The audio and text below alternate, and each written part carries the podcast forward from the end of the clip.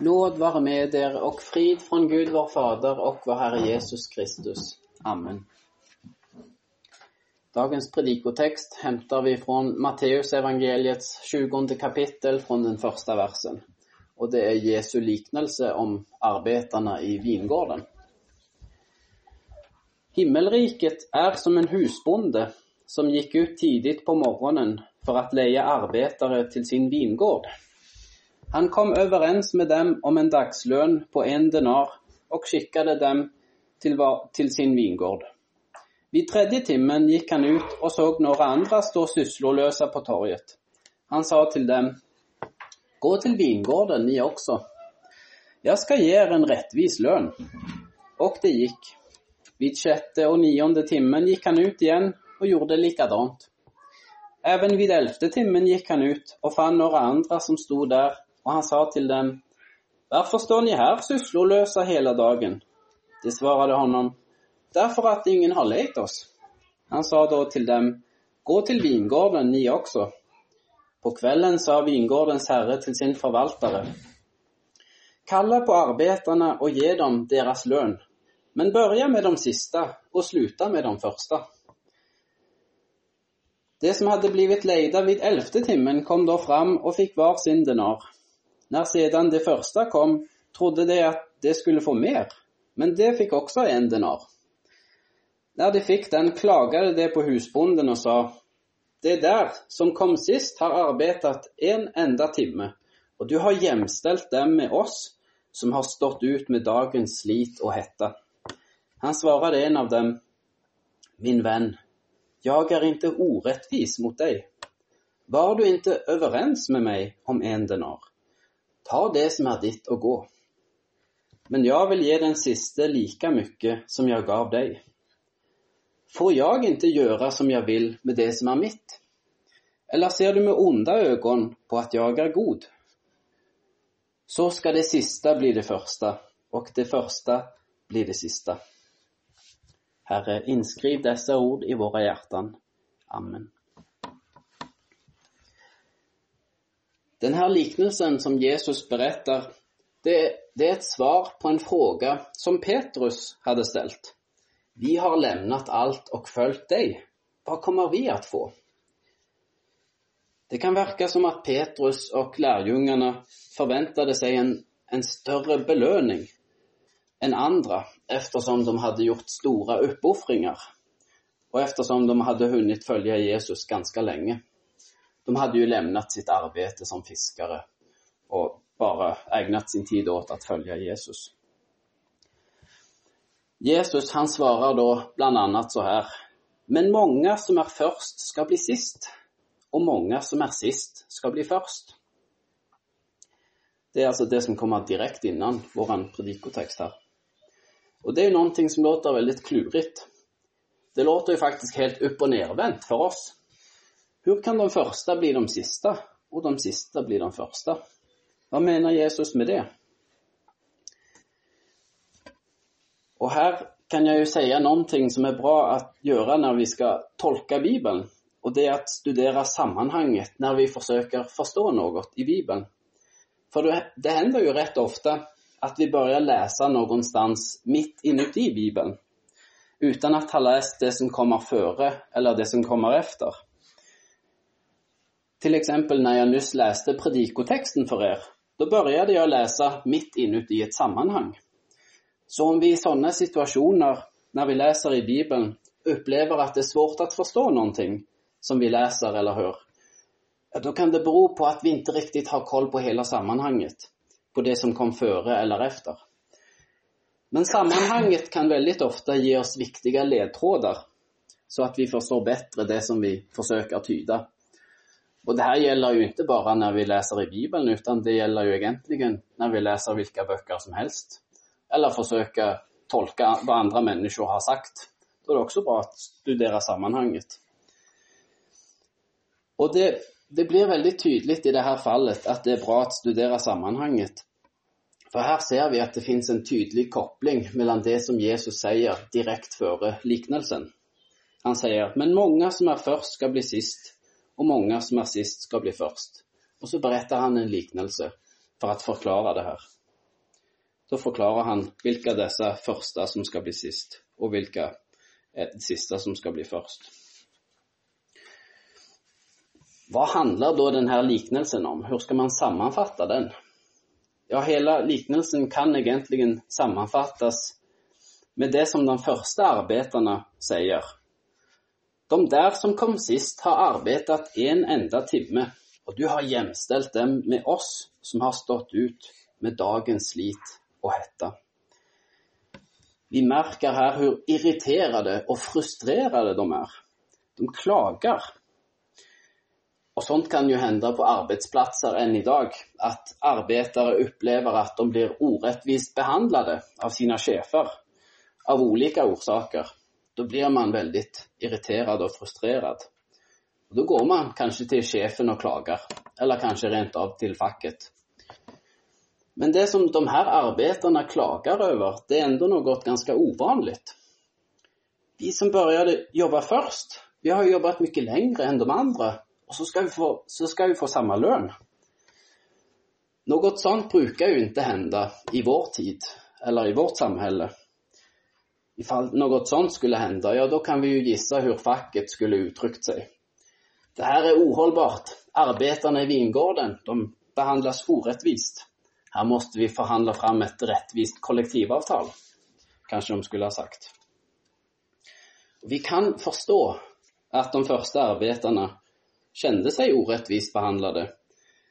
För egentligen så fick de inte bara samma lön som de andra, utan de fick faktiskt en sämre lön än de sista, om man ska räkna det som en timlön. De sista de fick ju en denar i timlön, men de första får ju mycket mindre än en denar i timlön. Så absolut så kan vi förstå de första arbetarnas reaktion om vi ser det från ett världsligt perspektiv. Här i världen så förväntar man sig ju att åtminstone få samma timlön som sina kollegor, inte en sämre timlön.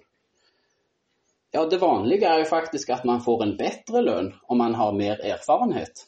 Om man har flera års erfarenhet, då kan man ju ofta förhandla fram en, en bättre lön. Så visst kan vi förstå deras reaktion. Vi hade nog inte heller tyckt att det var rättvist.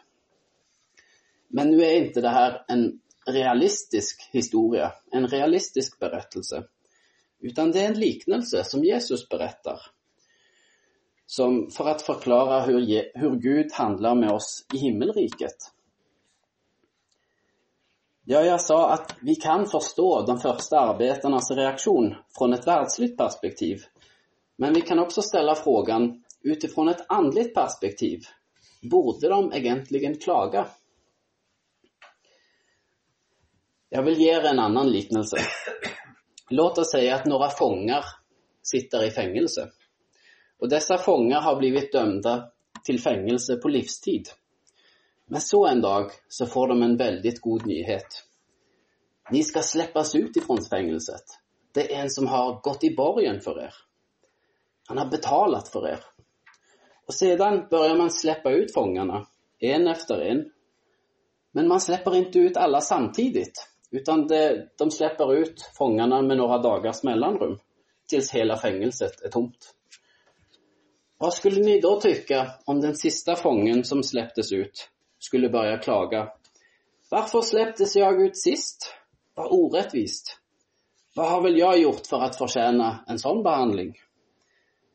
Men borde han inte istället vara glad och tacksam för att han överhuvudtaget släpptes ut ur fängelset helt oförtjänt. På samma sätt så kan vi egentligen ifrågasätta de första arbetarna i vingården som klagade över lönen. Borde de inte istället vara glada och tacksamma för att de överhuvudtaget hade släppts in i vingården? När de första arbetarna klagade så svarade husbonden, alltså chefen, min vän, jag är inte orättvis mot dig. Var du inte överens med mig om en denar? Ta det som är ditt och gå. Men jag vill ge den siste lika mycket som jag gav dig. Jag låter säga att en kristen skulle klaga på ett liknande sätt som de första arbetarna. att en kristen skulle klaga över att en annan kristen fick samma sak, trots att han inte hade varit kristen lika länge. Hur tror ni då Gud skulle svara ifall någon klagade på det sättet? Ja, då skulle nog Gud svara på ett liknande sätt som den här husbonden i vingården. Mitt barn, jag är inte orättvis mot dig. Var det inte evigt liv jag hade lovat dig? Ta det som är ditt och gå. Men jag vill ge den siste lika mycket som jag gav dig. Jag vill ge evigt liv till honom också. Får jag inte göra som jag vill med det som är mitt? Eller ser du med onda ögon på att jag är god?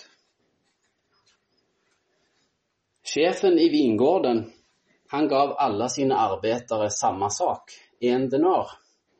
Och Gud ger också samma sak till alla troende, evigt liv. Det går inte att få mer eller mindre av evigt liv. Det eviga livet är ju evigt för alla. Det går inte att vara mer eller mindre evigt. Det gäller oavsett hur länge man har varit en kristen. Antingen man har varit en kristen ända från barndomen, eller om man har kommit till tro i vuxen ålder, eller om man rent av har kommit till tro vid livets slut. Som till exempel rövaren på korset, som fick höra från Jesus, idag ska du vara med mig i paradiset. Det kan också vara bra att lägga märke till att ingen av arbetarna hade egentligen förtjänat att komma in i vingården. De hade inte ansträngt sig så mycket. Ingen av dem hade gjort något särskilt för att få jobbet. De stod bara där på torget. De behövde inte skriva något CV eller gå någon arbetsintervju med den här husbonden. Allt de behövde göra, det var att stå sysslolösa på torget. Det var inte de som sökte upp husbonden, utan det var han som sökte upp dem. Det var han som kom och gav dem jobbet, helt oförtjänt. Så med andra ord, ingen av de här arbetarna hade egentligen presterat något särskilt för att få komma in i vingården. De första arbetarna, de hade ju förtjänat det lika lite som de sista. Så även på det sättet så visar den här liknelsen att frälsningen beror endast på Guds nåd. Lika lite som arbetarna i vingården förtjänade att få jobbet, lika lite har vi förtjänat att få Guds nåd. Ingen av oss har förtjänat att få vara en del av himmelriket, där Gud ger oss syndernas förlåtelse och evigt liv. Men vi får det ändå. Liknelsen handlar framför allt om Guds nåd, men det finns också diverse varningar i den här liknelsen till oss. Eller till alla människor.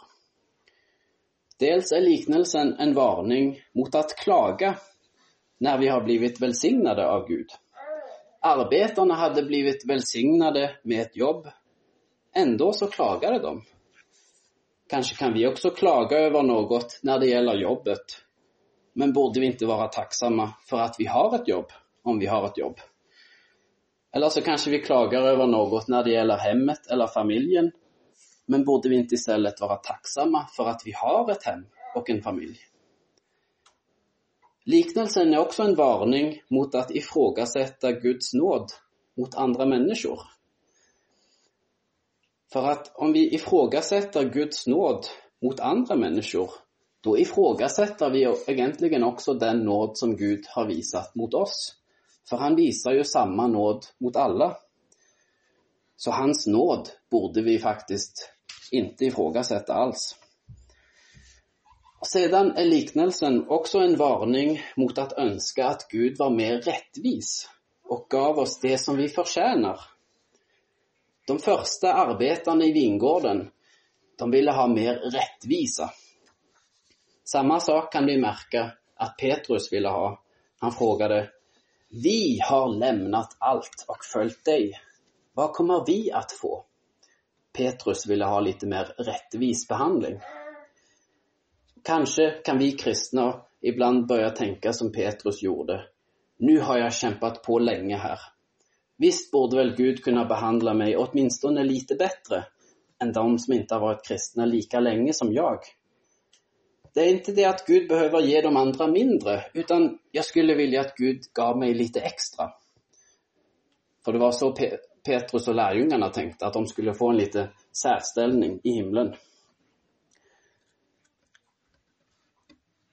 Men vi får vara försiktiga med att önska en Gud som ger oss en mer rättvis lön. En Gud som ger oss en lön som vi har förtjänat. För ifall Gud skulle ge oss en lön som vi faktiskt hade förtjänat, vad skulle vi då få? Ni, ni minns kanske hur det står där i Romarbrevet kapitel 6, vers 23. Det är en ganska känd minnesvers. Syndens lön är, hur står det? Döden. Döden, ja. Syndens lön är döden. Det skulle ju vara den rättvisa lönen. Inte, och det gäller inte bara den fysiska döden, utan också den eviga döden. Men tack och lov så ger inte Gud oss den lönen som hade varit rättvis, som vi hade förtjänat. I Saltaren 103 står det, han behandlar oss inte efter våra synder och lönar oss inte efter våra missgärningar. Han lönar oss inte efter våra missgärningar. Istället fick vi en lön som vi inte hade förtjänat. För vi får ju faktiskt någon annans lön. Vi får Jesu lön. För Jesus kom till världen, kan man säga, för att jobba i vingården för oss. Han kom för att leva ett fullkomligt liv för oss, för att vinna ett evigt liv för oss. Så det är hans lön vi får. Vi får hans lön för hans arbete i vingården, som om det var vi som hade jobbat i vingården.